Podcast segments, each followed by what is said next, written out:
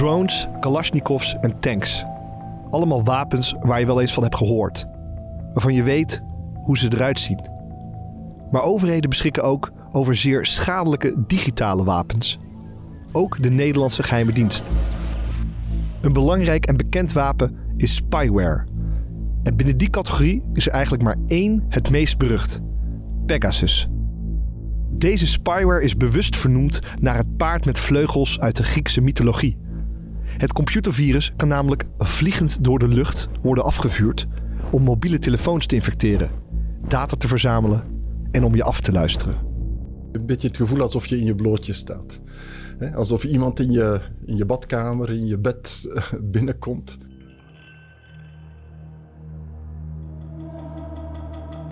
In Israël is de NSO Group gevestigd.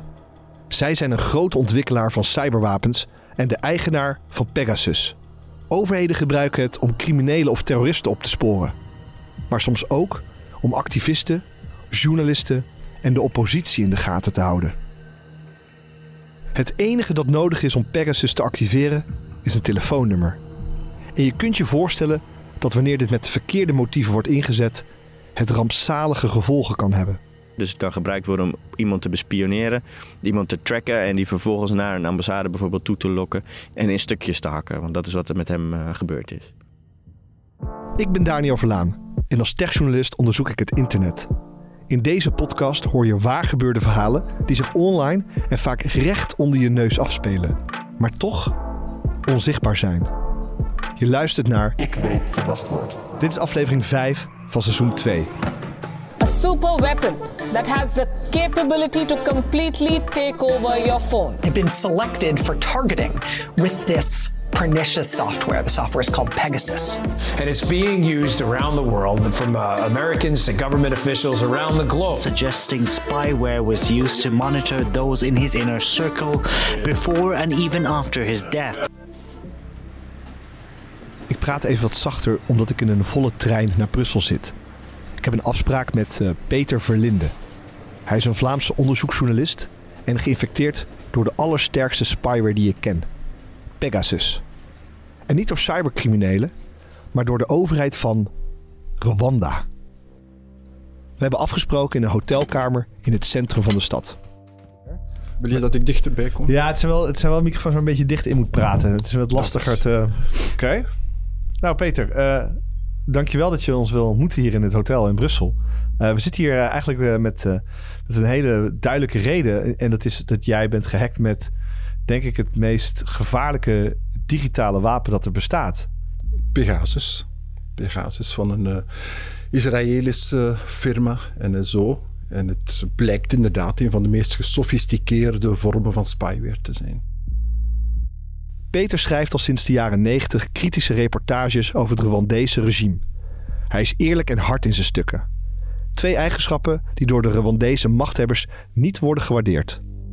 Ehm, ik, ik, ik denk dat heel veel mensen nu luisteren en die denken: dit is, mijn, dit is denk ik mijn grootste nachtmerrie. Om daarmee geïnfecteerd te worden. Ja, ik heb natuurlijk als journalist die nogal met delicate dossiers soms bezig is, ook al wel wat meegemaakt. Hè. Niet dat, eh, dat ik dit zo'n fijne ervaring vond, maar ehm, het is inderdaad wel een, eh, als je er goed over doordenkt, en op het moment dat we, ik zeg we, omdat ook de telefoon van, van mijn echtgenote gehackt geweest is, ehm, als je daar even over doordenkt, ehm, dan is het natuurlijk een, inderdaad een bijzonder akelig idee. Hè? Eh, En, realiteit. Het feit dat, dat iemand in je telefoon kruipt en die volledig in bezit neemt, alsof dat die jezelf is, alsof dat die gewoon alles kan doen wat ik normaal met mijn telefoon doe. Spyware zijn eigenlijk gewoon cyberwapens. Dus het zijn methoden om eh, mensen hun telefoons eigenlijk over te nemen en daarmee te bespioneren. Dus die specifieke persoon te bespioneren. En het voordeel van mobieltjes is dat, dat kennen we allemaal wel, hè, die dragen we altijd bij ons. Er zit een microfoon in, er zit een camera in, er zit een tracking device in. Dus het beste spyware middel dat je kan bedenken. Je hoort Ricky Gevers. Hij is ethisch hacker en volgt de ontwikkelingen van Pegasus op de voet. Ja, het is echt een softwarepakket, zo moet je het echt zien. En uh, dus jij gaat op jouw laptop kan je van alles uitkiezen. En vanachter, vanachter die laptop eigenlijk kan jij uh, mobieltjes gaan infecteren. En dat kan op basis bijvoorbeeld van een nummer. Dus als ik jouw nummer heb, kan ik van alles jouw kant op sturen. Zodat ik die telefoon uiteindelijk kan overnemen. Uh, vanuit die telefoon wordt allerlei informatie vervolgens via allerlei servers weer terug naar jou gecommuniceerd. Zodat je kan zien wat er aan de hand is. En de dingen die je bijvoorbeeld kan doen is de microfoon afluisteren of de camera aanzetten. Maar ook precies zien waar die telefoon zich bevindt. Alles wat jij met jouw telefoon kan, kan die persoon ook. Dus ik kan al jouw foto's bekijken, ik kan al je foto's downloaden, ik kan al je films bekijken, al je video's downloaden, et cetera, et cetera. De vrouw van Peter is gevlucht uit Rwanda. Ook zij heeft zich kritisch geuit over het regime. Peter is met haar op vakantie wanneer hij ontdekt dat er iets aan de hand is. We waren op vakantie in, uh, in Frankrijk. En uh, ik kreeg een telefoon van een nummer en een man die ik niet kende, die zich aan de telefoon voorstelde als iemand van de Belgische justitie. Dat is, klinkt op zich al een beetje vreemd. Wij noemden ook geen naam, noemden ook geen dienst. En vroeg eigenlijk alleen, bent u in België? En ik zei, nee, we zijn op vakantie in Frankrijk. Wanneer zijn jullie terug? Die datum zijn we terug, eind augustus was dat toen. Um, um, zou ik dan opnieuw contact mogen opnemen? Um, ik zeg, ja, uiteraard, doe maar. Hij zegde niet waar het over ging. En toen we terug waren in België, dan belde hij en dan uh, opnieuw en zegt, ja, zijn jullie nu in België? Ik zou graag langskomen. Hij zegde nog altijd niet waarover het ging. En uh, ja, die man spreekt nooit aan de telefoon over dingen waar het over gaat. En dan um, hebben we een bepaald moment afgesproken. En toen, gewoon thuis, dan het eerste wat dat hij vroeg, dat is, uh, hij, hij, toonde zijn legitimatie. Hè, dat hij inderdaad van de militaire inlichtingendienst was. Uh, hij zag er ook voor mij niet kwaadaardig uit. Dus ik had al een spontaan vertrouwen. En um, dan, kwam, dan heb ik die man ontvangen. En dan vroeg die man van, waar zijn jullie telefoons? En dan heb ik uh, gezegd, uh, ja, die ligt, hè, ik heb de van mijnen op zak en die van mijn vrouw daar. Uh, zou je die telefoons even willen uitzetten? Zei die, op vliegtuigstand of uitzetten. Hè.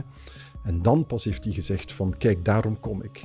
En dan heeft hij dus gezegd, kijk, we hebben een sterk vermoeden, maar we moeten het nu uitzoeken, maar we hebben een sterk vermoeden dat jullie op de shortlist staan van Rwanda voor Pegasus. De medewerker van de Belgische militaire inlichtingendienst vraagt of Peter en zijn vrouw hun telefoons bij hem willen inleveren voor nader onderzoek. En nog geen dag later krijgen ze reactie. Er is inderdaad Pegasus aangetroffen op allebei hun telefoons. Um, het lijkt me best wel een, um, een eng idee dat, dat er iemand anders een, een tijd heeft meegekeken met je telefoon. Kan, kan je dan eens omschrijven wat je dan voelt als je door de militaire, in, militaire inlichtingendienst hmm. wordt, uh, wordt benaderd met zeg, hey. Je hebt zo een beetje het gevoel, misschien gek om het zo uit te drukken, een beetje het gevoel alsof je in je blootje staat. alsof iemand in je, in je badkamer, in je bed binnenkomt. Um, je moet weten, telefoon is, maar ik denk dat iedereen dat intussen ook wel, wel weet en ervaart. Een telefoon is tegenwoordig geen telefoon meer. Dat is eigenlijk gewoon dat waarmee je zowat al je communicatie voert. Zowel uh, privé, hè, bijvoorbeeld, ik, uh, ik heb voortdurend berichtjes met mijn vrouw. Uh, ik ben nu daar, ik kom straks terug. Ik, uh, tegen dan, hoe is met de kindjes? Uh, dus de meest persoonlijke, zelfs ook bij momenten intieme communicatie. Tot en met de meest professionele in, in, in uitvoerige communicatie via mail of, of bijlagers die je via WhatsApp stuurt. Het gevoel dat iemand aan alles aan kan waar jij zelf eigenlijk voortdurend mee bezig bent. Hè, want ik ben professioneel nog altijd zeer actief, hoewel ik eigenlijk met pensioen ben bij de openbare omroep, maar ik ben nog zeer actief. Um, dat geeft je zo een beetje het gevoel alsof je nergens meer veilig bent. Dat gevoel van onveiligheid begrijp ik nog beter als Peter me meeneemt naar de Afrikaanse buurt hier in Brussel. De avond is inmiddels gevallen en we lopen in het schemerdonker door een wijk waar hij in zijn eentje echt niet naartoe gaat. We stoppen voor een café. Daar links het is hier. Die, die, uh, die l'archipel. Dat, okay. dat, dat, zit, dat zit vol met, uh, met ja, mensen die hier door de ambassade naartoe gehaald worden, de Rwandese ambassade naartoe gehaald worden, omdat ze um, hand- en spandiensten verlenen, zullen we maar zeggen. Oké, okay, handlangers. En dit is, zeg maar, hier zou je niet naar binnen gaan? Nee. nee, nee, dat is Wat, niet... eh, wat, wat, zou er dan, wat zou er dan dan gebeuren? zou denk je? er over, over mij eh, onder elkaar gesproken worden en gaat er eh, een of ander ding naar, naar Kigali en verschijnt er in de lokale pers allerlei dingen die... hè, bijvoorbeeld het feit dat ik eh, met jou aan het praten ben Ja. en dan wordt er gezegd van eh, Verlinden is weer slechte Er dingen zit- aan het zeggen over het Er zitten ook regime. echt veel en- mensen naar ons te kijken overigens. Ik weet niet ja, of dat ja, komt ja, dat we met de microfoon hier staan of dat, of dat jij wordt herkend. Ja, het Ehm, kan wel zijn dat er zijn die mij... Bij de, bij de Rwandezen zelf eh, is de kans heel, heel groot dat ze, dat ze mij herkennen. Mijn collega Steven is ook in Brussel. Hij heeft een afspraak in het Europees Parlement met Sophie in het veld. Zij is Europarlementariër van D66 en geeft een belangrijke persconferentie over spionagesoftware. all member states have spyware at their disposal. All of them. Even if they don't admit it, they do. Forbidden Stories is een non-profit organisatie voor journalisten. Het helpt bij de coördinatie van risicovolle onderzoeksprojecten rond onderwerpen als schending van mensenrechten, milieuschandalen en corruptie bij regeringen. Samen met mensenrechtenorganisatie Amnesty publiceerden ze in 2021 een lijst met 50.000 telefoonnummers van mensen die mogelijk waren gehackt met Pegasus. De personen op deze lijst bestonden voornamelijk uit journalisten, activisten en politici. De naam van de Franse president Macron wordt ook genoemd. Sophie in het veld is toen begonnen met een politiek onderzoek. Zij vindt dat er vanuit Europa veel meer toezicht en transparantie moet komen op spyware. Luxembourg is where uh, spyware vendors do their financial business. Ireland offers uh, uh, fiscal conditions which are attractive. Na afloop van de persconferentie stelt Steven haar nog een aantal vragen.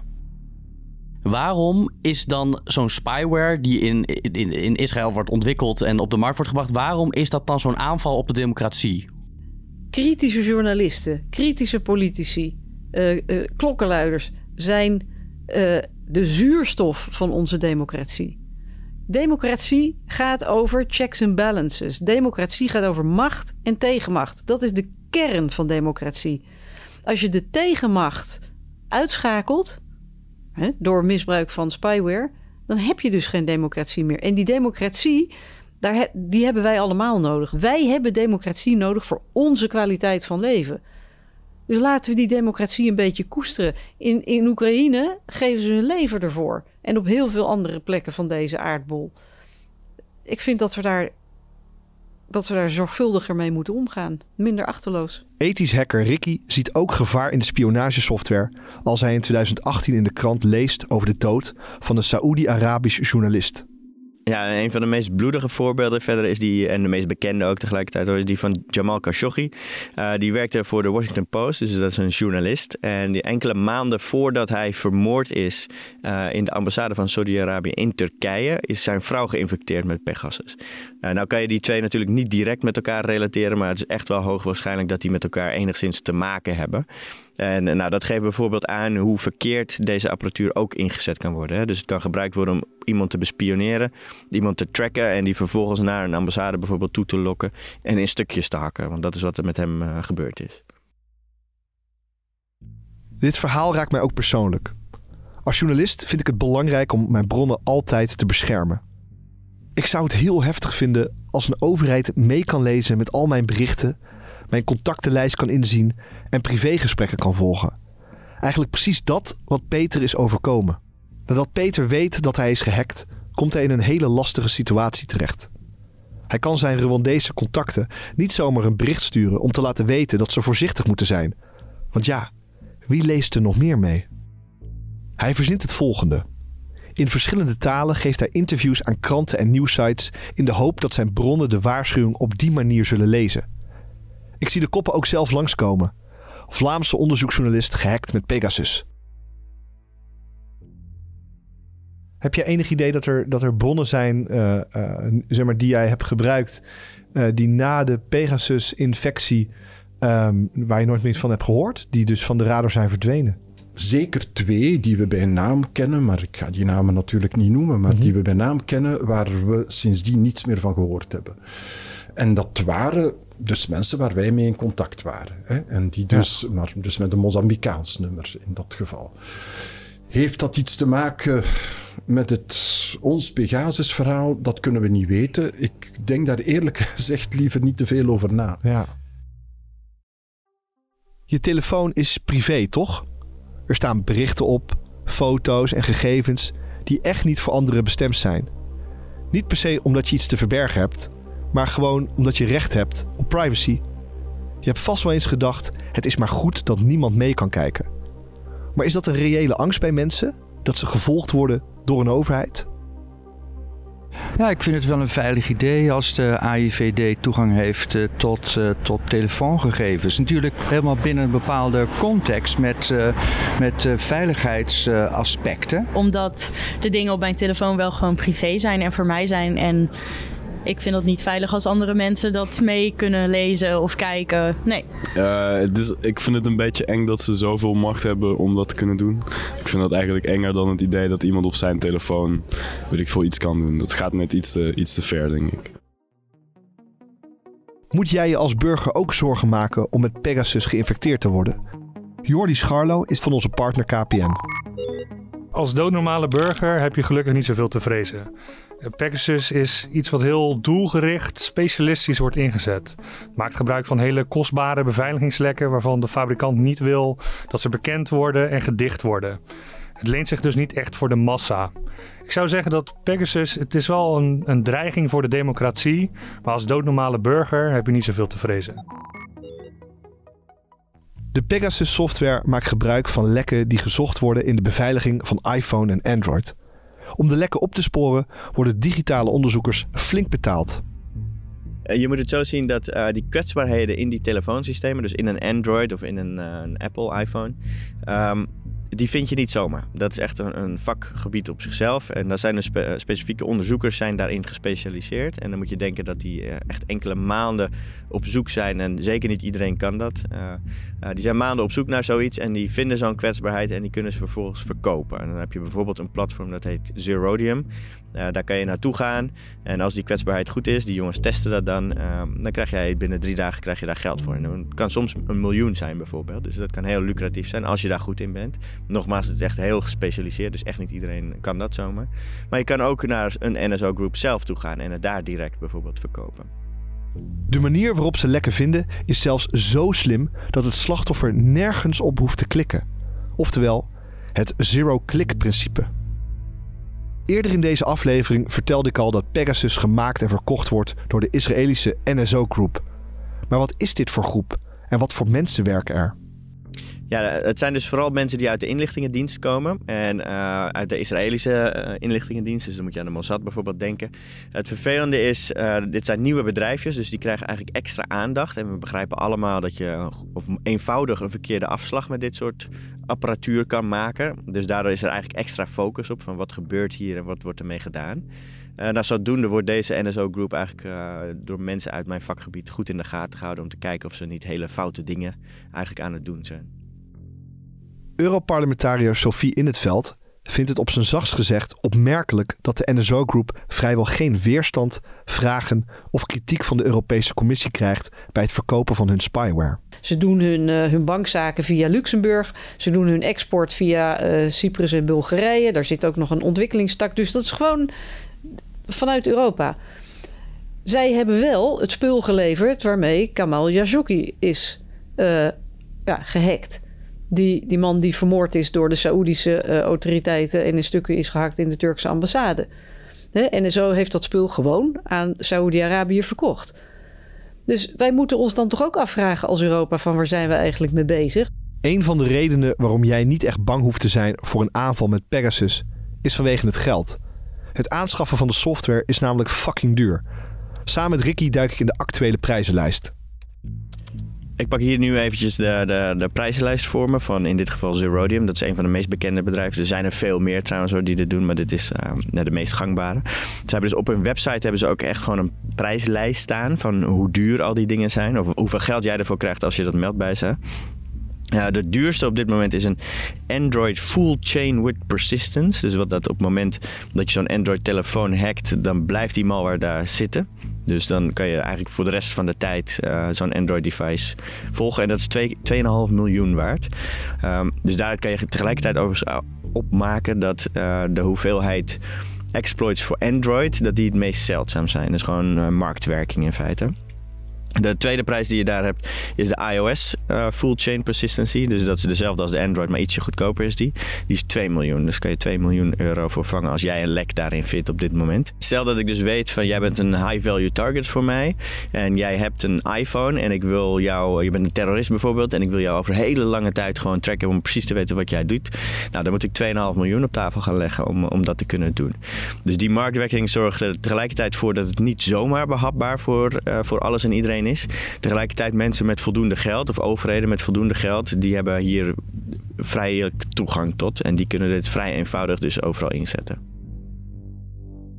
Hoeveel, uh, hoeveel denk je dat, uh, dat jij waard uh, was voor de Rwandese overheid? Dat vind ik eigenlijk een hele mooie vraag, want dat is precies wat wij onszelf ook bedachten.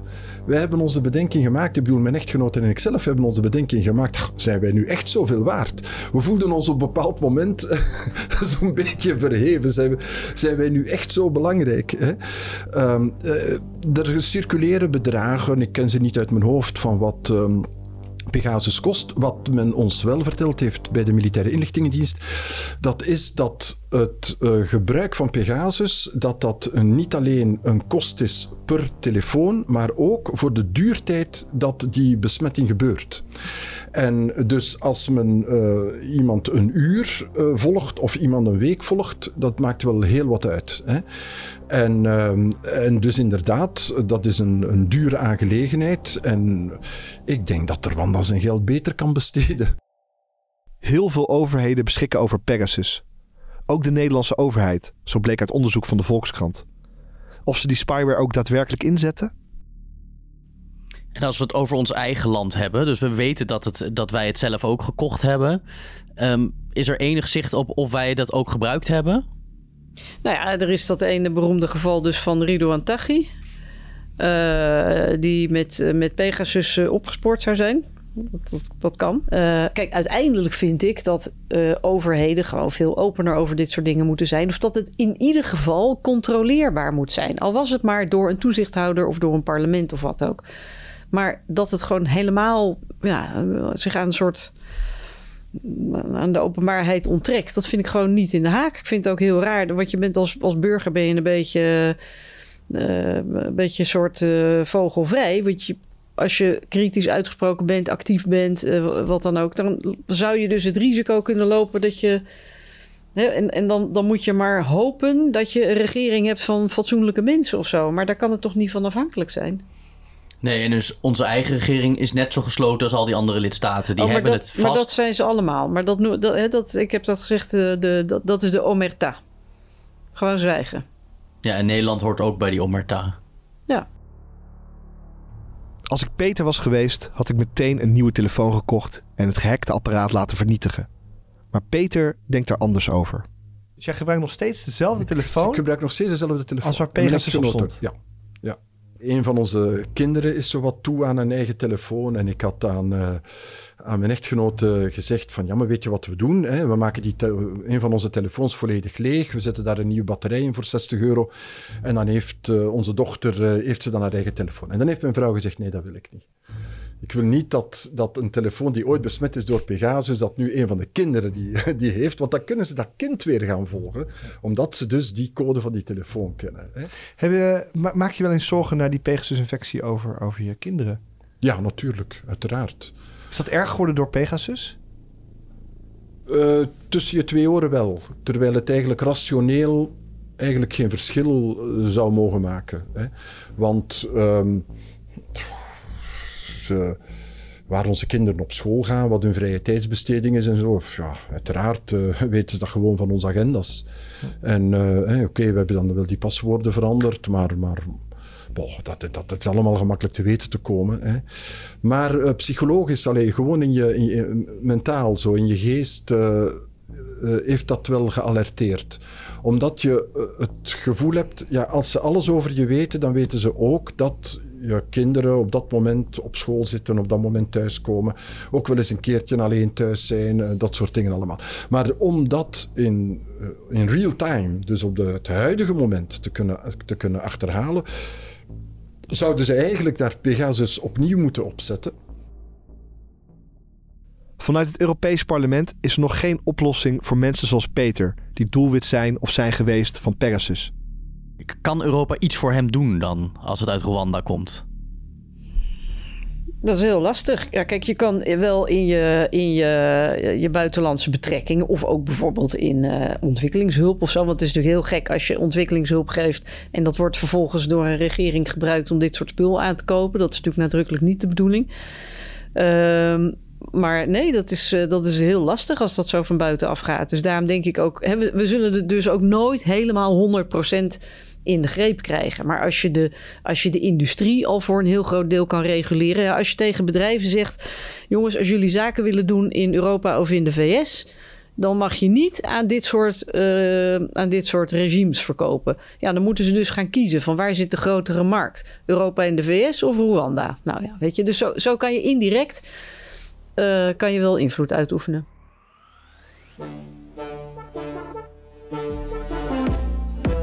Je luisterde naar Ik weet je wachtwoord. Check ook het gelijknamige boek, de documentaire op Videoland of volg me op Daniel Vlaan.